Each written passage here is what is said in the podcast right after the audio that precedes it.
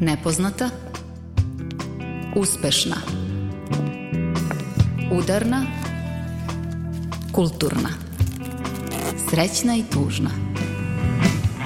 Žena u kutiji Iako je prošlo nedelju dana, nama je ovo prva prilika da u etru čestitamo Međunarodni dan žena, dan borbe za političku, ekonomsku i socijalnu ravnopravnost polova.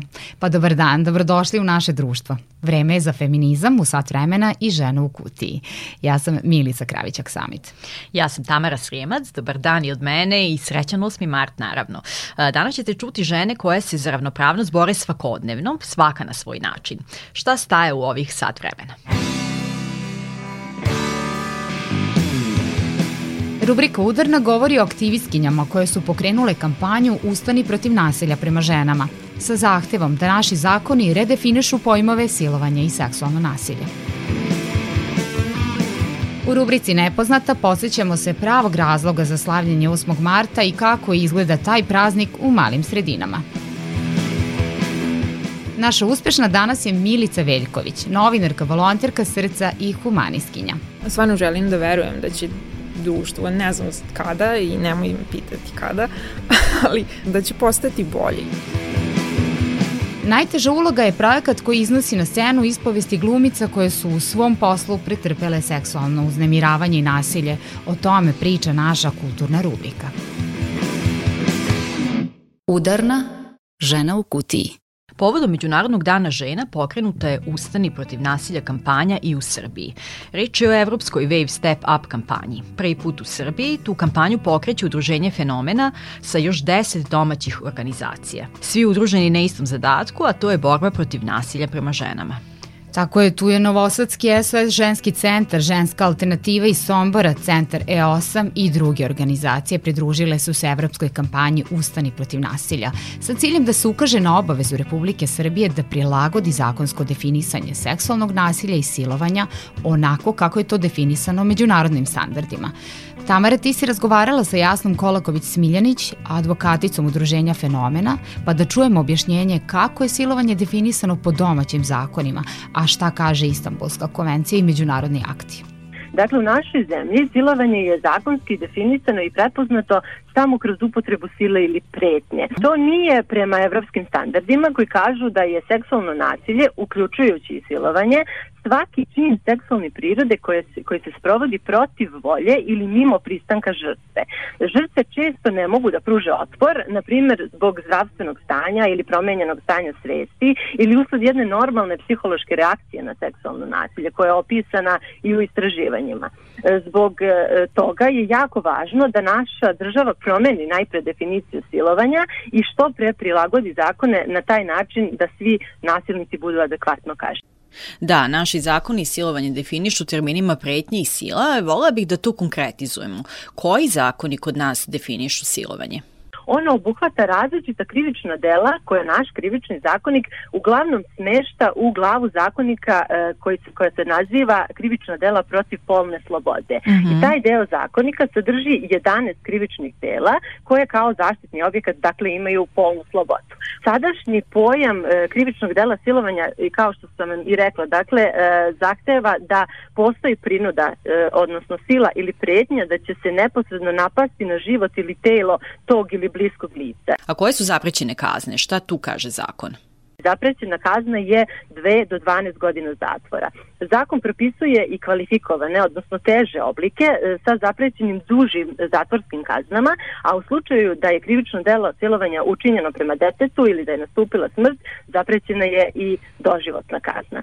Za razliku od definicije u našem zakonu, e, Istanbulska konvencija traži postojanje nedvosmisleno i jasno izraženog pristanka mm -hmm. na mhm. seksualni odnos i e, kažnjavanje svake seksualne radnje koja se dakle desi bez pristanka. Kako bi sve to izgledalo u praksi ako bi se promenilo definisanje seksualnog nasilja i silovanja, da li bismo tom promenom mogli da računamo na češće prijavljivanje tog krivičnog dela? E, drugačija definicija koja dakle podrazumeva samo odsustvo pristanka zaštitila bi one, sve one žene koje u situaciji seksualnog napada e, reaguju ukočenošću, mm -hmm. što se u mhm. psihologiji zove još i smrznutost i mobilnost e, ili totalna obamrlost, a njih je e, jedna velika većina, dakle po istraživanjima 82 do 90%, ovo je donekle i normalna reakcija, tako da ovakva definicija štiti sve te žene. Izmena definicije krivičnog dela silovanja bi verovatno ohrabrila žene da, da češće prijavljuju ovo krivično delo,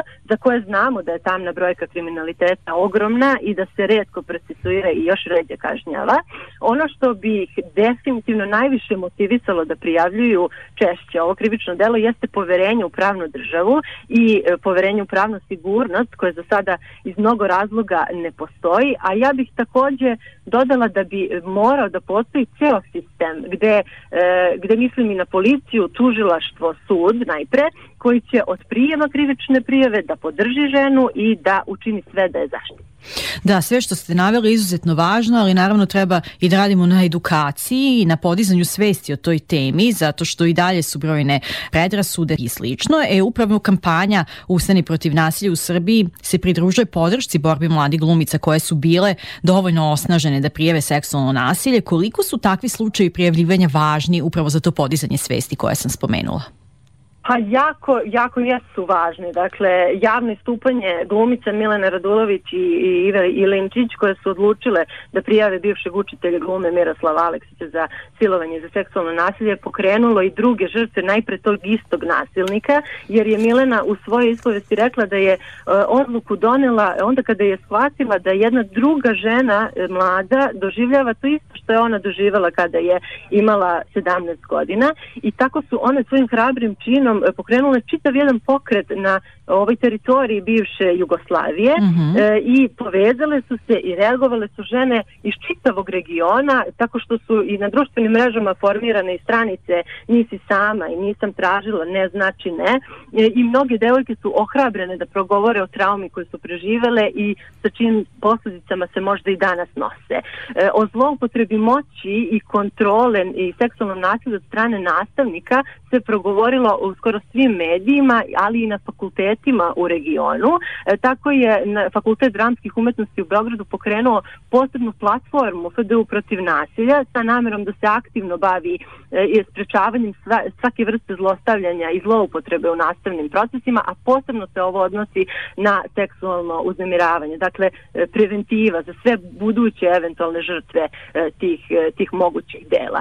E, ponovo je u javnosti takođe pokrenuta i e, važna tema o uvođenju seksualnog obrazovanja u osnovne škole i na tome se mora insistirati bez obzira na, na tendencije jednog dela naše javnosti da gurne glavu u pesak i da se i dalje održavaju tabuje o seksualnom nasilju. Da, vola bih još da porazgovaramo malo o tom pritisku javnosti koji može da stvori promene i evo već udruženje fenomena petu godinu u okviru Wave Step Up kampanje ulaže napore za zaustavljanje nasilja nad ženama i za podizanje svesti o javnosti u tom pitanju. U evropskoj Wave mreži učestvuje više od 150 ženskih organizacija i čini mi se 46 zemalja u Evropi. Svi ste dakle ujedinjeni oko te ideje da pritisak javnosti stvara promene. Kakva su iskustva da. i naša, ali i u drugim zemljama? Da li pritisak stvara promene?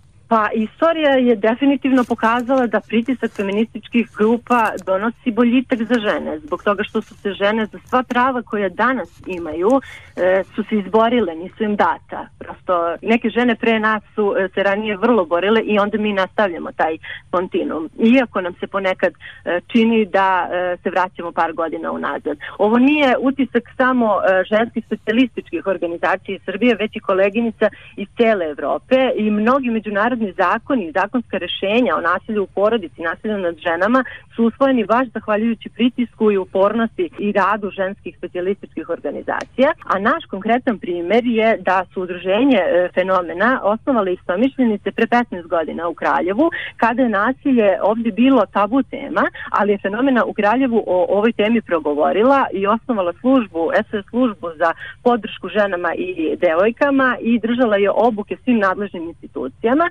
Istovremeno su i mnoge druge ženske organizacije širom Srbije i širom Evrope u svojim sredinama radile na skretanju pažnje na ovaj problem i na promeni ponašanja institucija koje su dugo nasilje u porodici tretirale kao privatnu stvar pojedinca mm -hmm. ili mhm. pojedinke i tek jedne porodice. Svi ovi napori su veoma doprineli snazi pokreta za zaustavljanje nasilja nad ženama kojim se sada pridružuju različite udruženje, građani, mediji, institucije Tako da to jeste zaista delotvorno. Pritisak uvek stvara promeni, to je, jedan, to je prva vrednost na kojima počiva e, Step Up kampanja. Udružene možemo sve i pritisak stvara promenu. Potpuno sam saglasna sa Tamarinom Sagovanicom. Da, iako bez dileme, za nas 28. mart predstavlja borbani praznik, vrlo često je kod mnogih sveden na konzumerizam. U sledećoj priči podsjećamo se pravog značenja praznika Međunarodnog dana žena, a uz to Milica je proverila kako se on proslavlja i obeležava u malim sredinama kao što je Bačka Palanka. Nepoznata žena u kutiji. Kupovina sitnica za majke, devojke, prosvetne radnice ili sve češće osmomartovska sniženja koje preplavljaju društvene mreže najjasniji su vesnici Međunarodnog dana žena, a i dalje poklanjanje cveća prednjači ovog praznika. Što se tiče ekonomske strane, uvek e, ljudi nađu ovaj, e, novac ili da kupe, da obraduju svoje najmilije i zadovoljni smo sa prodajom solidno je to sve, najviše za 8. mart, definitivno, ali inače kupuje se i ovako. Kupio sam jednoj uh, koleginici što mi je, je učinila jako puno. 8. mart e, kao praznik žena mislim da je malo isforsiran, jer žene bi trebalo da su svaki dan na pijedestalu zato što su i majke i domaćice i radnice i presve, prvenstveno veliki ljudi. O vaše mišljenje u ravnopravnosti je dostignuta ili nije? E, po mom mišljenju ravnopravnost je tabu tema. Da je 8. mart praznik žena svi znamo, ali šta je njegov smisao? Šta se događalo pre 100 godina po pitanju položaja žena i rodne ravnopravnosti, to ne znamo ili zaboravljamo, ističe psiholog Dragan Prpa. Priča koja stoji iza, iza praznika ovaj, e, je negde današnjim generacijama, pa čak i onima koji se možda sećaju negde izmakla, odnosno zaboravljena, otišla je u neku prošlost. Žene su imali taj problem što su pod jedan bile slabi plaćene, znači taj problem imamo i danas, ali tada je ta situacija bila znatno izraženija. Drugo, pravo na posao, pravo na obrazovanje nisu postojali i ono što se zaboravlja i u stvari što je negde i, vezano za sam početak uh, obeležavanja 8. marta, početkom jeli, 20. veka, jeste žene nisu imali ni pravo glasa. Sagovornik podsjeća da sva ta prava koje žene danas uživaju nisu došle same od sebe, već su posledica duge borbe. Zato je 8. mart praznik koji bi trebalo da slavi sve te promene. Ali s druge strane, kako smatra, ne iznenađuje ni ovo savremeno zadovoljavanje forme bez suštine. Danas, naravno, sve se izmenilo, tako da uh, 8. mart, čini mi se, deli sudbinu i svih drugih praznika, koji svi imaju u stvari isti obrazac. Znači, da se e, u nekom periodu uh, odmora, mira i da kažemo pauze između uh, perioda posla i, i, i angažovanja, znači da se ljudi nagrade za ono što su postigli u tom vremenu. Znači, razmenjuju se pokloni, naravno ceo sistem je tome podešen, pa su i sniženja. Kupi se mir, poverenje. Kupi se mir, zadovoljstvo, sreća. Iako nema ničeg lošeg u tome što ćemo danas kupiti više cveća i drugih poklona za žene. Hajde da iskoristimo 8. mart da se prisetimo početka i lika Klare Cetkin, zbog koje današnje generacije uživaju posledicama borbe za ženska prava. U muzičkom delu Žene u kutiji preslušavamo kompilaciju koju smo dobile na poklon od kolektiva mladih žena Femix, koji je baš proteklog vikenda organizovao i Femix Fest. Zato tim sjajnim ženama posvećujemo muzičke minute Žene u kutiji. Deveta Femixeta koja je objavljena ovog meseca nudi izbor od 25 pesama. Uf, volele bismo da možemo da čujemo sve kantautorke i bendove sa kompilacije, no to nije moguće, to ćete same da uradite, a mi biramo neke koje su nama dvema legle na prvu. Naravno, prva je naša, možda malo više moja. Gorica Šutić i Groove Hedge. Otkucaj.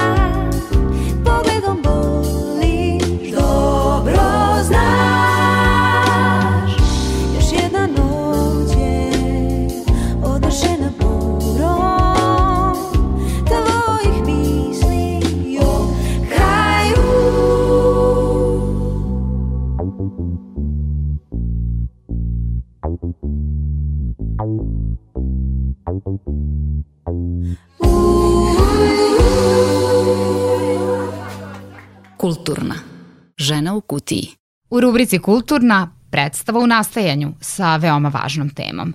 Apsart 17 godina proizvodi dokumentarno aktivističko pozorište, propituje društvenu stvarnost, otvara tema od kojih se osjećamo nelagodno.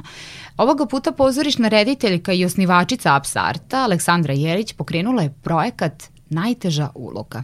Projekat podrazumeva dokumentarnu predstavu i film o glumicama koje su preživele seksualno uznemiravanje i zlostavljanje u profesiji.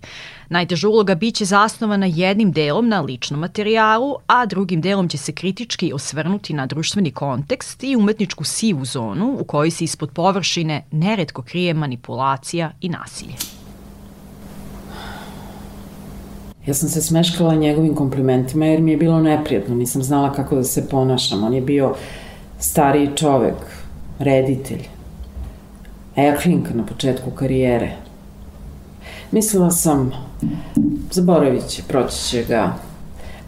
Sve tako dok me jednom nije pred samo izlazak na scenu uhvatio s leđa i onda mi je e, zavalio svoju ljigavu jezičinu pre nego što sam ja bilo šta mogla da uradim. Užas. To je samo deo ispovesti jedne od mnogih glumica čije će lične priče biti deo predstave i filma. Rad na najtežoj ulozi je rediteljka Aleksandra Jelić počela je prošle godine. Cela ideja ovog projekta je potekla od jedne glumice sa kojom sam ranije radila, a koja je u julu mesecu došla kod mene i donala svo, nekoliko svojih zapisanih ispovesti, ali i ispovesti svojih koleginica koje je tokom vremena prikupila. Mi smo tada razmišljale i razgovarale šta bi moglo od toga da se uradi i u kom smeru dalje želimo da idemo i shvatili smo tokom jeseni da želimo da napravimo dakle, predstavu i takođe da napravimo dokumentarni film koji će pratiti proces pripreme predstave, pošto je u pitanju zaista jedna kompleksna stvar. Film koji će pratiti, dakle, ne samo pripreme koje se tiču predstave, već i sve ono što uh, će se nama kao učesnicama dešavati tokom tog procesa, a sigurno će se dešavati mnogo stvari jer će se ticati uh, ličnog materijala. Rad na predstavi stagnirao je tokom jeseni, priča rediteljka. Nisu bile spremne da nastave sa pripremama. Do ispovesti su tada dolazile teško i uglavnom ličnim kanalima i poznanstvima. A zatim se desilo nešto što ni najmanje nisu očekivale. Tokom januara meseca, kao što naša javnost zna, su dve glumice, Iva Jelinčić i Milena Radulović i još mnoge druge devojke izašle u javnost sa, sa svojim istinama, koje se tiču seksualnog uznemiravanja i zlostavljanja. Ono što se desilo da je da tada zaista došlo do jedne erupcije, bukvalno svim nivoima, ne samo u Srbiji, već i u regionu, gde su devojke, žene, ne samo izvođačkih umetnosti, dakle glumice, nego i iz drugih profesija podelile svoje priče, svoje iskustva. Jedna od stranica koja je najviše tih ispovesti iskaza imala je stranica na Facebooku koja se zove Nisam tražila, koju su pokrenule glumice iz Sarajeva. To je jedna neformalna inicijativa koja, s kojom smo mi uspostavili kontakt i koji su nam sada postali partneri na projektu. Sada, kada smo oglasili kampanju, nekako je lakše doći do priča, ali opet i dalje mislim da ženama nije sve jedno, iako su u velikoj meri ohrabrene da izađu sa svojim pričama, ali ipak je drugačija situacija nego što je to bilo jesenas prošle godine.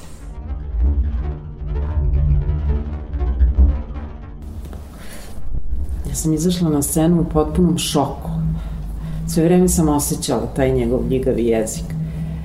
Koliko je zahtevno raditi predstave sa istinitim pričama i uz to rušiti tabue. Aleksandra Jelić kaže da je njoj kao autorki zanimljivo upravo bavljenje onim temama koji izazivaju nelagodu, neprijatnost ili u celom društvu ili u nekim mikrosredinama. Ono na što sam nailazila u svojoj praksi jeste da kada pravite predstavu koja na neki način ulazi u instituciju i koja stvarnost te institucije transponuje u određenim segmentima u nekakvu umetničku istinu u formi pozorišne predstave, ta stvar neminovno donosi ne, nekakve činjenice, podatke, ali emocije, iskustva ljudi koji, koji rade u okviru, na primjer, te institucije institucije. Ono na što sam često nailazila jeste e, otpor u samim institucijama u kojima sam radila, počeši od toga kad radite predstavu u vrtiću do toga kad radite predstavu u zatvoru. Uvek se nailazi zapravo na, na veoma veliki otpor sredine kada progovorite, kada iskoristite predstavu kao ne, neku vrstu lakmus papira koji treba malo da nam pokaže različite boje koje postoje u toj sredini. Znači da na način otvori nekakve teme koje su bolne. U tom smislu, osnivačica Upsart očekuje da će i najteža uloga naići na takav otpor. Mi smo za sada napravili neku vrstu saradnje i sporazum saradnje sa Narodnim pozorištem u nekoj ovoj istraživačkoj fazi, pripremnoj fazi, gde će nam pružiti podršku i tehničku i prostornu i tako dalje, ali sa druge strane nisam sigurna zapravo će Narodno pozorište imati hrabrosti i smelosti kao možda i druga, druge institucije da otvori svoja vrata za, za samu predstavu, jer zaista ćemo govoriti o nekim stvarima koje neće biti prijatno čuti, bez potrebe da imenujemo, da kažem, aktere, ali ćemo imati potrebu da demaskiramo i da demontiramo te mehanizme i da demistifikujemo profesiju glumačko-rediteljsku u kojoj se ovakve pojave zaista veoma često normalizuju, e, opravdavaju pod e, parolom da tako mora, da je to zarad višeg nekog estetskog cilja e, i tako dalje. Posle predstave me je ignorisao, pravio se lud. A onda sam ja rešila njega da ignorišem, da ga izbegavam, da je on počeo da mi piše pisma i da me zove telefonom, onda je njegova žena počela da me zove telefonom i da me vreće. Apsart se već 17 godina bavi jednom vrstom pozorišta koja je van institucije. Predstave nastaju u radu sa neglumcima iz raznih društvenih grupa, najčešće marginalizovanih i osetljivih. Praktično nema grupe sa kojom nisu radili. Od usuđenika, psihijatrijskih pacijenata, zavisnika od droga, maloletnih delikvenata, mladih sa smetnjama u razvoju i tako dalje. Ono što je njima u svakom procesu rada veoma bitno jeste sam proces koji je uvek neizvestan. Mi često kažemo da predstava može, ali i ne mora da nastane.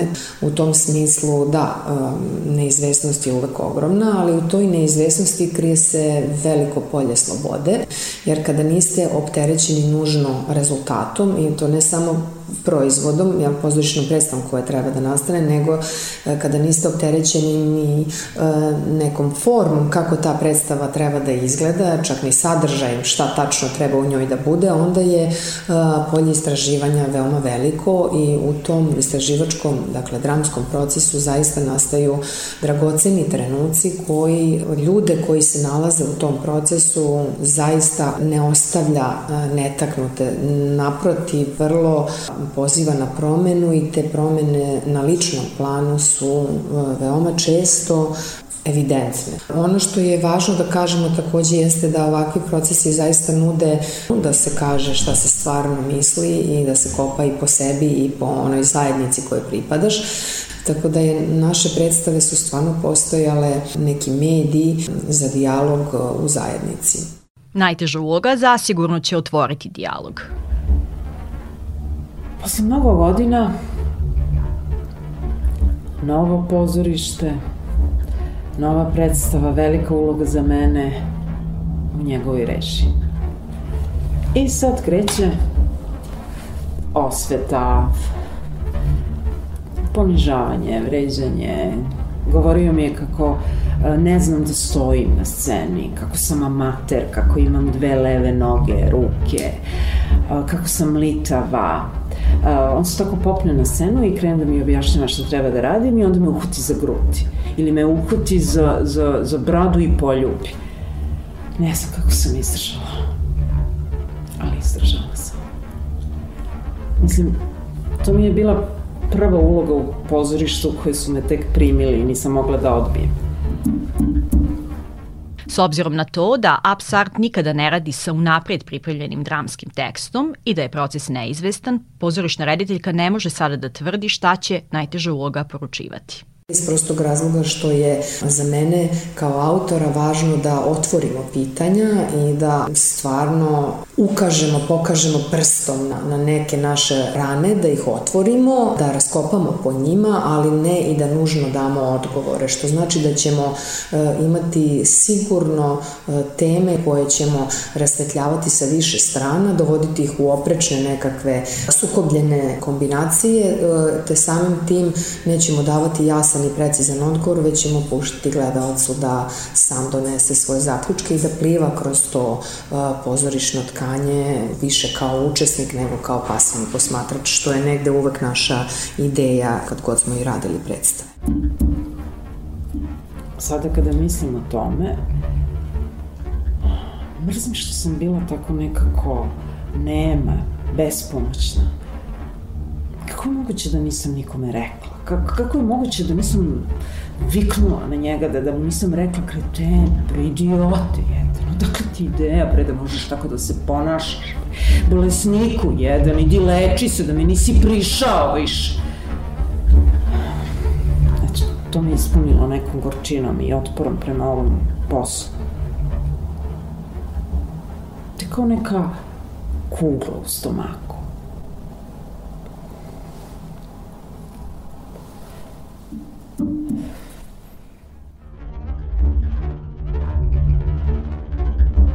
Pripremnu fazu projekta najteža uloga podržala je rekonstrukcija Ženski fond, a poziv za učešće u predstavi i dokumentarnom filmu o seksualnom nasilju nad glumicama i dalje je otvoren.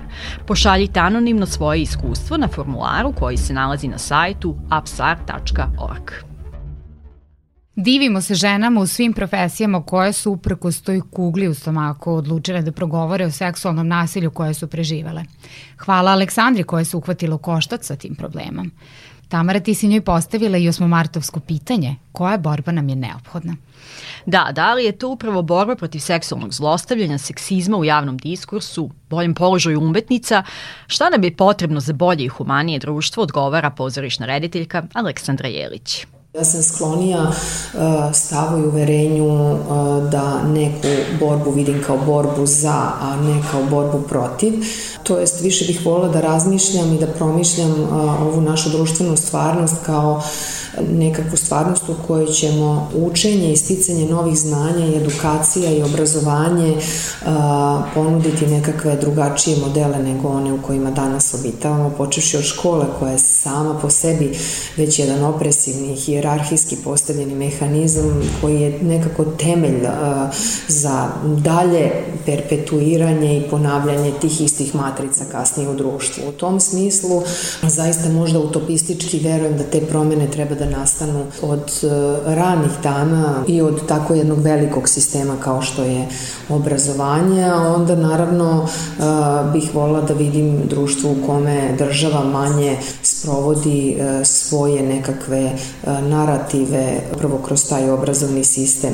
I ti narativi često se razlikuju od političke opcije do političke opcije i onda imate jednu potpunu sluđenost u kojoj ne postoji jedinstven sistem vrednosti za koju svi mogu da kažu da stanu da. Ovo je nekakav minimum, najmanji zajednički minimum ono za koji možemo svi da se složimo i da ga ne menjamo kada dođe sledeća politička garnitura. Stiže još jedna muzička numera sa Femiksete, potražite kompilaciju pošto kida. Žanrovski ima svega, slušamo i mi sada prvi put Sanju Tišmu i pesmu Delfin. Delfin, gde je tvoje more? Zašto zaspale su školjke na dnu? Uh, delfin, ja bit ću tvoje more Sa malo naranđine kore. Plivajmo zajedno Sve do morskih zvezda. Vozimo talase Penušave. Delfin Ti si lepa, ja sam lep ti Sleteću ti na vrh nosa Delfin.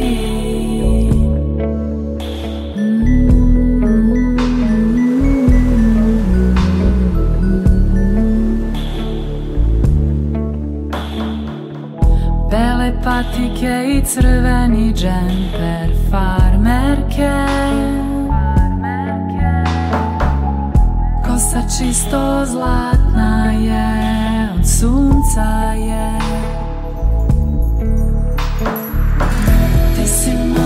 sam tvoje, ti si moja, ja sam tvoje, ti si moja, ja sam tvoje, ti si moja, ja sam tvoje,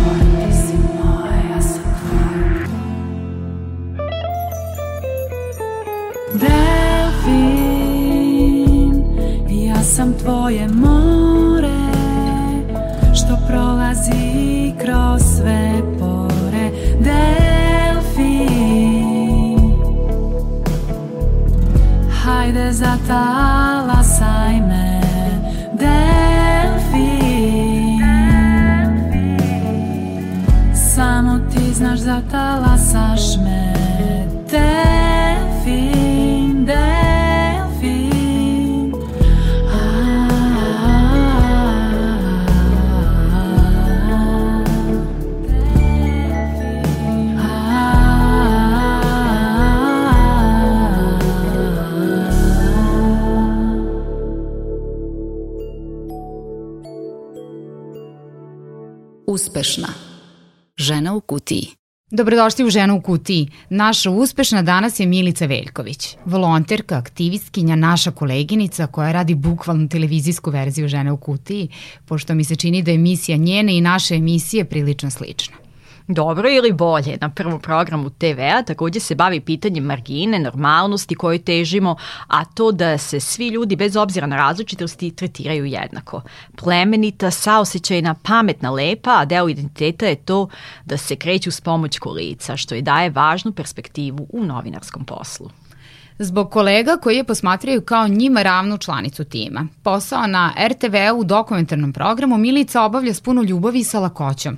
Pre koju godinu, kada je počela, nije baš bilo tako. Brinula je kako će se snaći u ulozi TV lica. Najviše zbog teksta koji treba sama da osmisli i još teže, dobro da ga izgovori pred kamerama. Tu su takve blokade, to je bilo smiješno, nisam verovala da mozak može tako da ti ne radi u situacijama kada samo treba da ponoviš ono što si već nekad rekao, razmišljao i ostalo ali vremenom i to došli smo do toga da lepo funkcionišemo i bilo je važno to što me je ekipa vrlo lako prihvatila, jer onako kad se kreće na teren ili bilo šta, ja ne, ne mogu da uđem u kombi, uvek će neko da me unese, ali su svi nekde znali i svi su vrlo brzo naučili kako mi funkcionišemo i kada su bili potpuno ok da me puste da budem jedna od njih, da ne budem ja sa tamo neka koleginica koja je u kolicima, nego ja ću da budem Milica i Comi i ovo i ono, onda smo bili svi jako dobri i nekako je postalo sasvim prirodno. Kada je ne poznajemo, a ugledamo osobu sa invaliditetom, često prvo pomislimo da joj treba naša pomoć. Nažalost, često što je toliko pogrešno budemo sažaljivi, a onda nakon otkrića šta ta osoba zna, ume i postiže, potpuni obrot u drugu krajnost. Kada nas neko ne poznaje i prvi utisak je uvek da, da si sada ti osoba koja je potrebna pomoć i da oni treba tebi da se nađu, čak i ono da te pitaju da ne znam, uđeš negde, pređeš neku bankinu, nešto, to je smešno, ali da. Dobro, čak i nije loša ako se nudi za pomoć te vrste. Jeste. I onda kada steknu malo više informacija i kada se taj utisak produbije, onda, si, onda ti postaješ automatski neki vaseljenski car i to kida. I u suštini to je taj deo koji ti u isto vrijeme impunuje, a izbunjuje te. Milica ipak smatra da se društvo pomaklo sa mrtve tačke što se tiče svesti o životu i sposobnostima osoba e, koji imaju invaliditet. Kao dobar primer navodi iskustvo sa gradskim prevozom u Novom Sadu koji koristi redovno. Svaki put sam imala iskustvo da ili ljudi pitaju za pomoć ili ljudi samo inicijativno sačekaju sa mnom na srednjim vratima, podignu rampu ili vozač stane, pita me da li hoću da uđem, on ode, sačeka I taj deo je meni bio onako jako bitan i jako strava i to mi je bila onako mala pobeda jer sam i sama dosta pričala o tome i pokušavala da edukujem ljudi i da skrenem pažnju na to.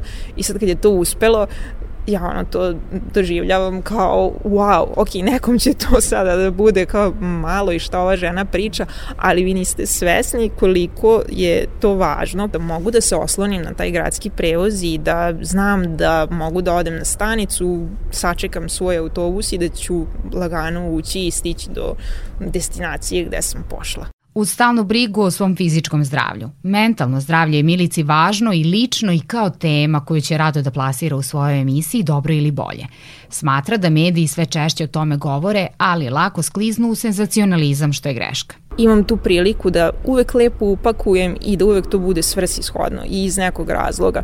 Tako da je u tom segmentu ne, mog posla i mentalnog zdravlja jednostavno došlo, do, dobila sam tu priliku da mogu to lepo da plasiram i da uvek imam razlog zašto to radim i da jednostavno na taj način mogu i da ukažem svojim kolegama šta je to etičko izveštavanje i kako u stvari treba prići nekoj temi koja je toliko osetljiva.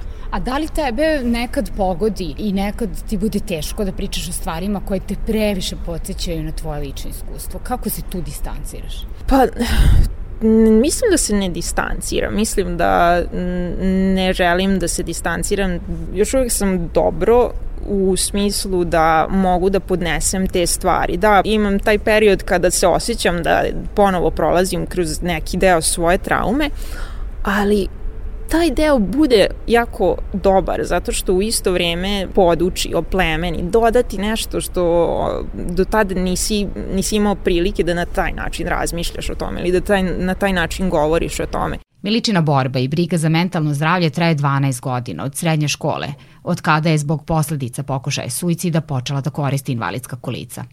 Ona o tome, kroz šta je prošla, govori otvoreno i što je važnije, koristi svoje iskustvo da pomogne drugima, volontirajući u Centru srce. Ono što sam ja prilikom obuke i na samom početku došavši u srce čula je bilo upravo to da kroz ovo iskustvo i kroz razgovor sa drugim ljudima u isto vreme i sebi pomažemo i učimo o, o sebi i o svemu tome. Ja baš prolazim taj put sad onako intenzivno. Kada zazvoni telefon u srcu, to znači da je nekome jako potreban razgovor. Milica je nekoliko puta sa druge strane linije imala osobe u vrlo teškim situacijama i sa suicidalnim mislima, pa je ta nada da im je pomogla snažan pokretač. Želim jednostavno da budem tu za bilo koga i za kakav god problem da ono, treba da se reši ili samo da se govori o tome, ono, želim da, da budem ta podrška koja je možda meni nedostajala nekada, ali sad svakako to da li kompenzujem ili ne znam ni ja više šta radim, ali je nešto bez čega mislim da ne bih ja sada u ovom trenutku bila kompletna. Podrška, ta skupa reč, ta važna reč, ta nedovoljno proživljena reč za većinu nas. Za osobe koje su preosetljive i prolaze kroz težak period ili ceo život bivaju u komplikovanijoj poziciji, samoća i izostanak podrške su najgori. Od samog početka jednostavno bila sam, bila sam kod kuće sa roditeljima i bratom i to je bila tada jedina podrška koju sam imala. Jer kada se tako nešto desi, um, samo ostanete sami u nekako je neminovno i ono što verovatno bude najteže je da to svi oko vas očekuju i pretpostavljaju da, se, da će se desiti, a jedino vi vi se i dalje nadate jer ono ljudsko ste biće i znate ok da desio se pokušaj samoubistva da sada se mnogo toga promenilo fizički ja više nisam ona osoba koja sam bila sada sam korisnik lica i tu se mnogo menja ali jednostavno ljudi se uplaše ljudi ne žele to blizu sebe i ona stvar koja jednostavno obeleži i ranjava konstantno jeste da baš vas izopšte i odbace i to je taj moment kada osoba sa bilo kojim problemom, ne mora jednostavno biti nikakav hendikep, ni invaliditet, ni bilo šta, ali jednostavno ostaje sama. Preporod ipak može da se desi. Milici Veljković to se dogodilo dolaskom u Novi Sad i otvaranjem nove životne etape ispunjene podrškom, prijateljstvom i ljubavi,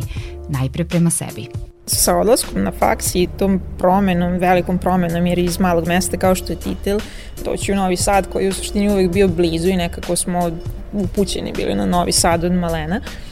I sada se nalazim u studentskom gradu sa novim ljudima, sa ljudima koji su mene dobili takvu ok, odmah sam u kolicima, ne znaju onu milicu od pre, nego sad imaju samo ovu i ta im je super i odgovara i mi strava im je i zanima ih moja priča i samim tim deljenjem sa onima koji su se prvi put sreli sa mnom je sve postalo mnogo lakše, jer tad je postalo lako ponovo pričati priču. Do tada, sećam se na rehabilitaciji i tako negde nisam, jednostavno nisam želela da kažem šta se desilo, jako mi je bilo teško upravo u, jer u samom početku zbog tog neprihvatanja i ogromne osude, bilo mi je strašno teško da kažem šta se zapravo desilo i umela sam da slažem, umela sam da izmišljam takve stvari, to nije bilo realno i ne znam ko je meni tada verovao da kažem da sam, ne znam, radila neke čudne ekstremne sportove ili ostalo, ali dobro, ako neko ovo sluša koga sam ikad slagala, neka oprosti. Kada je počela otvoreno da priča o svom iskustvu, počela je da stiže podrška sa svih strana, od novih ljudi, od onih koji su imali slično iskustvo ili sada prolaze kroz to. I tako se stvara plodno tlo da nastane nova osoba, kaže Milica tad prihvatiš da je super da se menjaš i da je potpuno poželjno da ti radiš na sebi konstantno i da otkrivaš te stvari o sebi koje do tada su čučale negde onako sakrivene jer ti je bilo strašno neprijatno da ti to onako obelodaniš jer do tada je sve bilo samo onako okretanje glave, oni onako čudni uzdas i, i nešto što ti ne prija, ono ne prija ti da vidiš taj gest a kamoli onako da se sa tim susrećeš skoro svakodnevno i da zbog toga bivaš ostavljen, odbačen i sve ostalo. I to je taj moment koji ja jako volim i jako cenim, to je trenutak kada se stvarno život menja.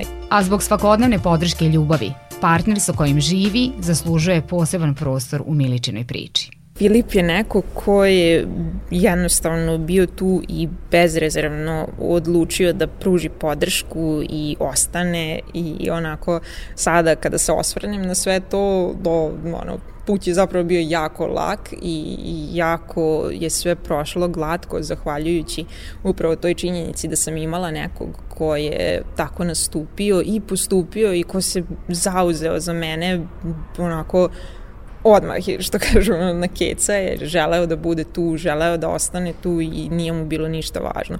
I to je onako, to je svakako više od ljubavi i više od svega što možeš da dobiješ u nekom partneru, jeste da ono, da te pusti, da, da te podrži i da te pogura ono kad staneš i tako zabodeš sad ne, ne znam šta ću i gde ću. Od mnogo ljudi čija bi imena Milica Veljković mogla da spomene jer to zaslužuju, ime Marine Zorić zazvoni glasno u momentu kad smo se mi upoznavale bio je baš nezgodan period za mene i dešavale su se neke stvari mimo mog života, ali svakako su uticale na mene i to je ta lična priča koja se dotiče i samoubistva i svih stvari koje se dešavaju u našem društvu, a mi okrećemo glavu i ona se pojavila kao neko ko nije hteo da okrene glavu, ko je želeo da sasluša i ko je želeo da ja kažem sve kako se osjećam i otuda prvi razgovor, a posle toga i sama priča o filmu, jednostavno bez nje teško da bi ceo taj put bio ovakav, jer sama ne znam koliko bi mi bilo lako da se odvažim, iskreno. Marina Zorić je i naš uzor, naša najempatičnija koleginica od čijih priča iz dokumentarnog programa se raste. Ranije smo i nju smestile u uspešnu ženu u kutiji baš zato jer je neumorna da druge prepozna i pomogne im. Otkrila je Milicu i o njoj snimila katarzični film Da me nema. Jedna Milica, jedna priča. Jedan život u ime života.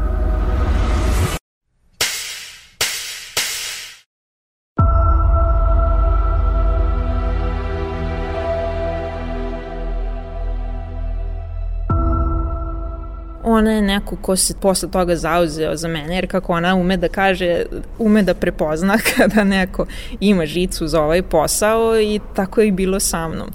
Ona je odlučila da sam ja osoba koja može da radi posao i bukvalno dala je sve od sebe da ja postanem ne samo njena koleginica, nego da postanem deo velike medijske kuće kao što je Radio Televizija Vojvodina. Kada se osvrnemo, to je ono nešto što je meni promijenilo život, što je meni pomoglo da budem još više u redu sa sobom i da konačno dođem do mesta gde ja treba da budem kao osoba i kao čovek. Znate kako se širi krug dobra. Neko vam pomogne, vi isto učinite drugima. Tako Milica na svom Instagram profilu deli korisne informacije do kojih dođe radeći emisiju Dobro ili bolje. Ta podrška drugim ljudima koji rade, ne znam, u oblasti mentalnog zdravlja ili jednostavno se bore za neka prava osoba sa invaliditetom, za žene i ceo taj feminizam koji meni do tada nije bio ono primarna možda linija, posle mi je postao jako važan zato što sam shvatila koliko nam to fali, jer ono, da, definitivno su mi društvene mreže pomogle da shvatim te neke stvari, ono, upoznajući neke ljude i sve te konekcije, te onako upućuju na izvore koji su jako dobri. Znači ti učiš preko Instagrama, ako sam ja shvatila. Dobro. Pa da, zato što susrećem se, pa i sa tobom kad sam se srela prvi put, to je bilo upravo prošle godine kada se održavao festival. APŽ. Tako je. I da ja tebe tada nisam srela, ti ne bi meni dala onu brošuru, da ja nisam imala brošuru, ja ne bih ovaj, našla kasnije sve te ljude na Instagramu i videla šta oni rade. Tako da jako se lako konektuje preko Instagrama. Kad smo kod feminizma, moramo zastati na najvažnijem datumu, 8. martu. Meni 8. mart u ovom trenutku znači ono što se dešava trenutno i ona borba koja se opet vodi na društvenim mrežama vezano za raskrinkavanje svih onih telegram grupa i onih strašnih stvari, zato što iskreno nisam mogla da verujem da smo mi postali takvo društvo koje je spremno da zloupotrebi sve i svakoga, a po naročito žensko biće, mladu ženu koja ono, tek stasava i tako neke stvari su mi bile izuzetno obeshrabrujuće, čak i meni koja ono, stvarno želim da gledam optimistično i na svet i na ljude. Treba nam revolucija i nju će definitivno da pokrenu žene, zaključuje Milica. Mi smo spremne i sposobne da se izborimo za to i da konačno ženski princip senzibilnosti promeni svet. Za mene 8. mart sada predstavlja revoluciju, doduše ne onu revoluciju koju je vodila Klara Cetkin, ali ovu revoluciju koju sada vodim ja i mnoge druge žene koje se trenutno bore za neka osnovna prava koja smo zaboravili i koje su jednostavno priznale i svesne su da ta borba i ta bitka za naša prava i dalje traje. Optimistične misli rezervisala i za budućnost a to je još jedan razlog zašto vredi saslušati Milicu Veljković, razgovarati sa njom uživo ili makar na Instagramu. Stvarno želim da verujem da će društvo, ne znam kada i nemoj me pitati kada, ali da će postati bolje i da ćemo se malo više truditi, bar na tim onako mikronivoima, jer tu počne. Bilo je to sve od nas iz Kutije. Pozdravljaju vas Milica Kravićak Samit i Tamara Sremac. Muziku za špicu dugujemo bendu Lazar, a današnji majstor tona Aleksandar Sivč. Uz odjevu sa kompilacije Femixeta, odlična Natali i pesma Ćao, osvesti se. Doviđenja.